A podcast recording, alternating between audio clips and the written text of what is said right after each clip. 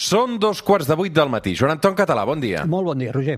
A quina hora ha sortit el sol avui? A les 6 i 23 minuts. 3, 2, 1, seganya!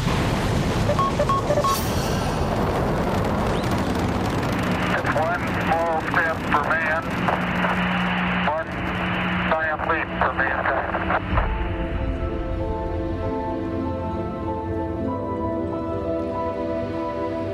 Com està, Joan Anton? Com va la vida? Molt bé, Roger, molt bé. Això és la Terra es plana, cada diumenge a l'hora que surt el sol, ciència, astronomia, eh, mirem cap al cel amb el Joan Anton Català.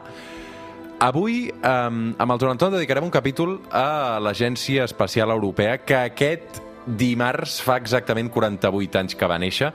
Parlem de la iniciativa conjunta d'Europa a l'espai, un projecte que ens permet conèixer i explorar l'espai, però que també té una part negativa.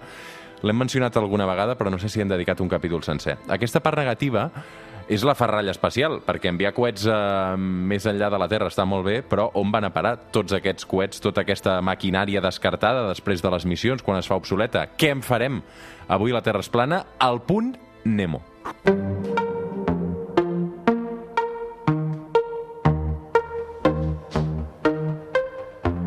A veure, Joan Anton, eh, tenim un problema o no? Tenim un problema. Sí, Houston tenim un problema, que és la ferralla espacial, i ara parlarem de com en disposem, què fem amb aquesta ferralla i de la, del gran abocador que s'anomena Punt Nemo. Però mira, d'entrada et donaré algunes xifres. Parlàvem de que commemorem no, els 48 anys que va néixer l'Agència Espacial Europea i per això ens ha inspirat el programa. Doncs amb dades de l'Agència Espacial Europea, en aquest moment, més o menys, eh, es coneixen uns 3.000 satèl·lits abandonats, aquests que jo dic zombis, a 36.500 fragments de més de 10 centímetres de mida, prop d'un milió més grossos que un centímetre i més de 130 milions de fragments més petits. Imagina't. Clar, el volum d'espai és immens. És a dir, la probabilitat de que eh, xoquin dos fragments o que tu, la teva nau, xoqui contra un fragment és mínima, a pesar de les xifres aquestes, perquè el volum allà és immens. Però, de tant en tant, això pot passar. I hem vist com més d'una vegada l'Estació Espacial Internacional ha hagut de maniobrar per evitar el risc del pas pròxim d'una ferralla espacial. I aquestes maniobres eh, cada cop aniran a més. Eh? I ja, abans se'n feien alguna de tant en tant i ara, ara se'n fan més. Per tant, sí que tenim un problema, sí. Clar, Joan Anton, um, a més és un tema que, que, que, que cada vegada va més perquè, o sigui, de moment desconeixem la solució, no? I, i, i- no sé quins protocols tenen els governs i les organitzacions espacials per tenir cura d'aquesta ferralla, si se'n fan responsables, si, si, si a nivell legal i legislatiu tenen alguna responsabilitat sobre tot allò que envien. Sí la tenen, sí la tenen. De fet, les lleis que algun cop n'hem parlat antigues de l'espai donen responsabilitat directa als estats i les empreses, els estats com a subsidiaris també de les seves empreses per qualsevol malifeta, dany, perjudici que puguin fer una ferralla. La llei, això li dona cobertura, que jo sàpiga mai ha passat encara que hi hagi una reclamació oficial en òrgans internacionals d'un país contra un altre per aquest motiu, però algun cop passarà.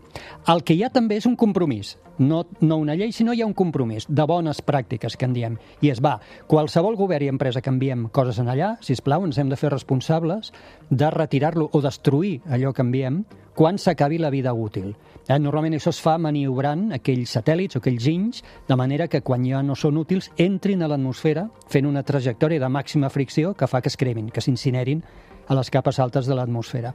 Uh, però primera, abans que existissin aquests compromisos, mm, tothom feia el que li donava la gana, i a més a més, tot i que existeixen aquests compromisos, com que ja hi ha satèl·lits zombis i ferralla, de tant en tant peten, de tant en tant xoquen i això genera milers de fragments i a més a més tenim els meus amics militars que fan proves de tant en tant, hi ha països que encara avui estan fent proves amb míssils que envien contra satèl·lits abandonats per provar les capacitats que tenen de, doncs això, de destruir satèl·lits i el que fan en això és encara omplir més aquesta òrbita de la Terra. El punt Nemo, on, on és exactament? On es troba i què és? Va, això és fascinant, Roger, és fascinant. Mira, el punt Nemo és el lloc més remot que existeix al món. És dir, si vols estar sol, allò que dius que vull, vull estar allunyat de tothom, el destí és el punt Nemo. El punt Nemo, ara t'explicaré on cau, Però quan enviem naus que les volem, que ja no són operatives, però que són massa grosses com per fer-les cremar a l'atmosfera, és a dir, no es cremen del tot, l'única cosa que podem fer és dirigir la seva trajectòria, és a dir, governar la seva trajectòria perquè caiguin en llocs calculats. I un d'aquests llocs és el punt Nemo. És un cementiri de ferralles, el més famós i d'anomenada que hi ha. Com et deia, el lloc més remot que hi ha al món es troba al Pacífic Sud, enmig del no-res, a una distància de milers de quilòmetres, en qualsevol direcció, fins a qualsevol indret poblat. La mínima distància que hi ha entre el punt Nemo i la massa de terra més pròxima és de 2.688 quilòmetres. I la distància que hi ha entre el punt Nemo i el lloc poblat més pròxim són 3.500 quilòmetres. Fixa-t'hi. Eh? Per tant, ja et dic, és el punt més remot que es coneix. Només s'hi pot accedir en vaixell, dues setmanes de viatge. Aquell lloc, a més, té una profunditat de 3.700 metres. Per si vols anar, anota, les coordenades són 48 graus 52,6 minuts de latitud sud, 123 graus 23,6 minuts de longitud oest. Es dona una paradoxa molt xula, que és que els humans que més s'hi acosten acaben sent els tripulants de l'Estació Espacial Internacional, perquè, com que la seva òrbita és més o menys sobre uns 400 quilòmetres d'altura, cada cop que passen per allà se situen només a 400 quilòmetres, quan la resta de la humanitat, com a mínim, està a 3.500 quilòmetres d'allà, com a mínim. La seva posició va ser calculada l'any 1992 per un enginyer croat. Soc incapaç de pronunciar el nom de pila, per tant només diré el cognom, que és Lucale, Lucalela, Lucatela, perdó, i se li va posar el nom Nemo perquè en llatí vol dir ningú. És molt especial el lloc, ja ho veus. A més a més, la flora i la fauna submarina són molt escases perquè no hi ha potents corrents que arrosseguin cap allà els nutrients, al revés, els allunyen d'allà. Uh, és veritat que eviten alguns bacteris, alguns tipus de, de crancs i, per suposat, microplàstics. Eh? S'hi han detectat microplàstics. I, per casualitat, mira que xulo també, el punt Nemo es troba molt a prop del lloc de ficció que va crear Lovecraft uh, amb la seva novel·la, no? quan deia que havia, habitava un monstre marí. Déu-n'hi-do, que fascinant. Uh, si no tenim plan per vacances, aquesta localització que ens has donat, uh, què hi trobaríem si arribéssim allà, Joan Anton? Quina maquinària... Doncs mira, sota hauries Un de... Airbnb no hi conto, però no, no sé. No, hauries d'anar per sota del mar i trobaries més de 260 fragments de naus i satèl·lits de tot tipus, de moltes nacionalitzats. Aquí hi ha naus europees, japoneses, americanes i russes, fins i tot alguna de SpaceX. Eh?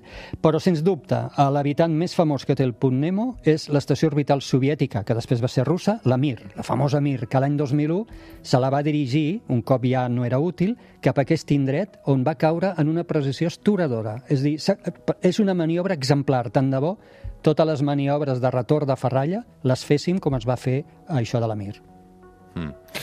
Clar, um, Joan Anton, um, aquesta maniobra de l'estació orbital soviètica uh, expliques que va ser exemplar, um, però n'hi ha d'altres que no ho han estat, no? No, no han estat nyaps.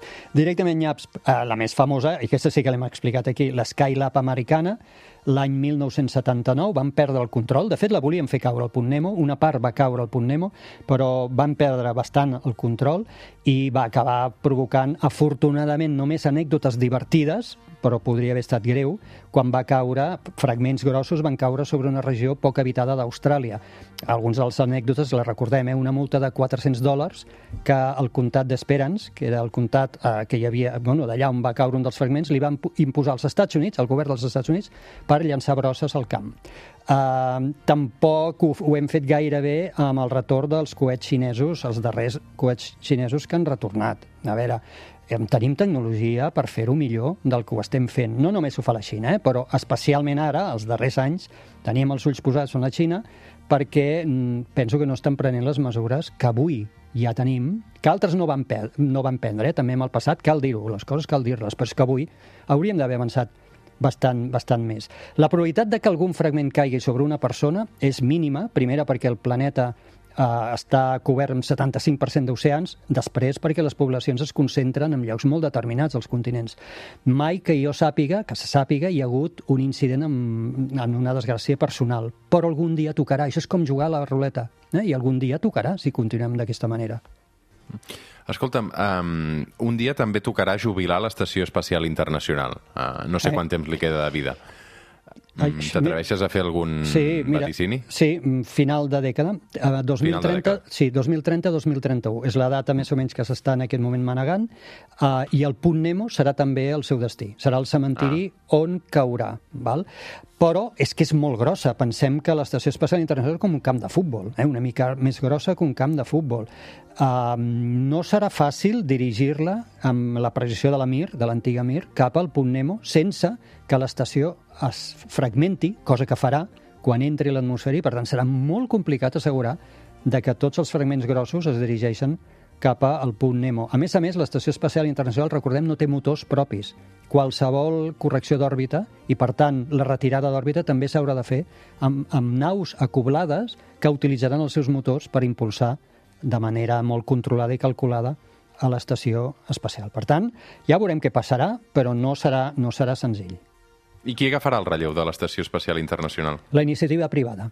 De fet, uh. -huh. bueno, per una part... El... Elon Musk. Sí, bueno, i, i me, jo et diria Jeff Bezos. En aquest cas, com que sempre estem Ahà. parlant d'Elon Musk, Jeff Bezos és el primer que va anunciar, quan la NASA va dir ja no n'hi tornarà a haver un altre, ja ho deixarem a les mans de la iniciativa privada, de seguida es van formar consorcis de grans empreses aeroespacials que han començat ja a treballar amb els seus dissenys i una d'elles és Blue Origin de Jeff Bezos, no és l'única, però és una de les que està treballant amb això.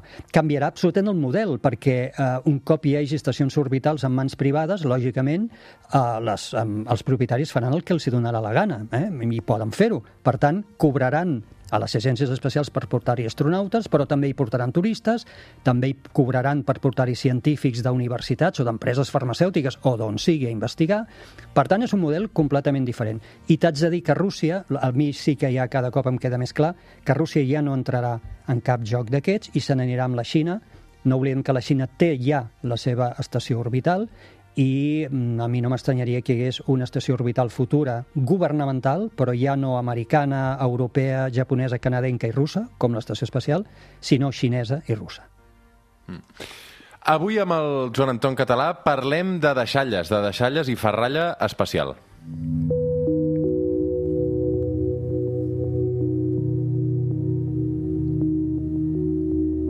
A veure, Joan Anton, ara et posaré aquest so d'aquí. A veure, posem, escoltem això.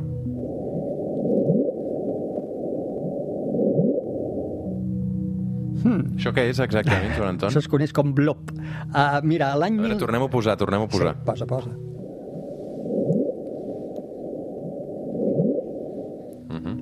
Bueno, això és l'any 1977 que es va detectar molt a prop del punt Nemo, justament, aquest misteriós i sorprenent so de molt baixa freqüència. El, va detec el van detectar detectors que té la National Oceanic and Atmospheric Administration, la NOAA famosa dels Estats Units, que té un sistema d'escolta que està desplegat pels oceans i que serveix per monitoritzar coses com sismes o fins i tot migracions de cetacis. Mm? També t'haig de dir que antigament aquest sistema l'utilitzaven per detectar submarins soviètics.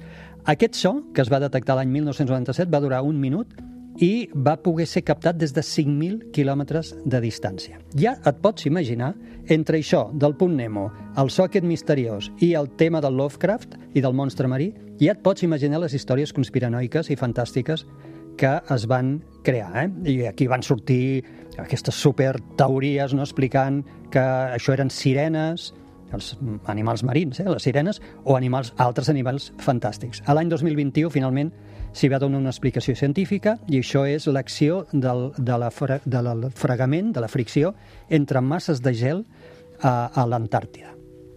Clar, després de tot el que has explicat, Joan Anton, fa la sensació que el punt Nemo és eh, la millor d'entre totes les pitjors solucions, no? Sí. De, de, per, perquè fem tota aquesta ferralla còsmica i que, i que segur que amb el que anem dient eh, serà més gran amb els anys. Sí, no ha de ser la solució definitiva, ara ho deies molt bé. És dins dels mals, doncs el, el menor dels mals que tenim, i tant de bo poguéssim fer com es va fer amb la Mir, ser tan, tan perfectes per poder dirigir les grans naus que caiguessin en aquí, però no pot ser la solució definitiva, perquè això és com amagar la pols sota la, la catifa de casa. És que no pot ser això sostenible. A més a més, pensa que les restes que hi pugui haver de combustible en aquestes naus i, i el que és l'oxidació dels metalls malmeten aquella zona. Ja dèiem abans que no és que hi hagi molta flora i la, i la fauna, però és igual. El que estem fent és un abocador en el mig de l'oceà, no? Això no sembla que hagi de ser bo. Com ho farem? La veritat és que ens haurem de gastar diners. També ho hem dit molts cops. Ens haurem de gastar diners i ho haurem de pagar entre tots per eliminar la ferralla i per veure què fem d'aquestes naus més grosses, si les podem desmuntar a l'espai, no sé com ho haurem de fer, però mm, això costarà diners. I l'altra cosa que és urgent, i també ho hem explicat molts cops, ja no són compromisos de bones pràctiques, sinó són regulacions i lleis que ens obliguin a fer les coses com Déu mana. Joan Anton Català, eh, què hi passarà aquesta setmana al cel? Va, per anar tancant. Va, doncs després de que vam veure la setmana passada la Lluna amb Venus, doncs la Lluna ha continuat pujant altura sobre Venus i de dissat avall, i en el cel de l'alba tenim a Saturn, que a poc a poc es va aixecant, i comença a veure's també, treu el caparró, el brillant Júpiter, mirant a l'est abans de la sortida del Sol. Avui amb el Joan Anton Català hem eh, dedicat un capítol a la ferralla espacial, eh, se'ns acumula la feina, però mentrestant també ens podem conformar doncs, mirant al cel on hi trobarem tot això que ens explica el Joan Anton. Moltes gràcies. Gràcies a tu. Fem una pausa i de seguida tornem al suplement.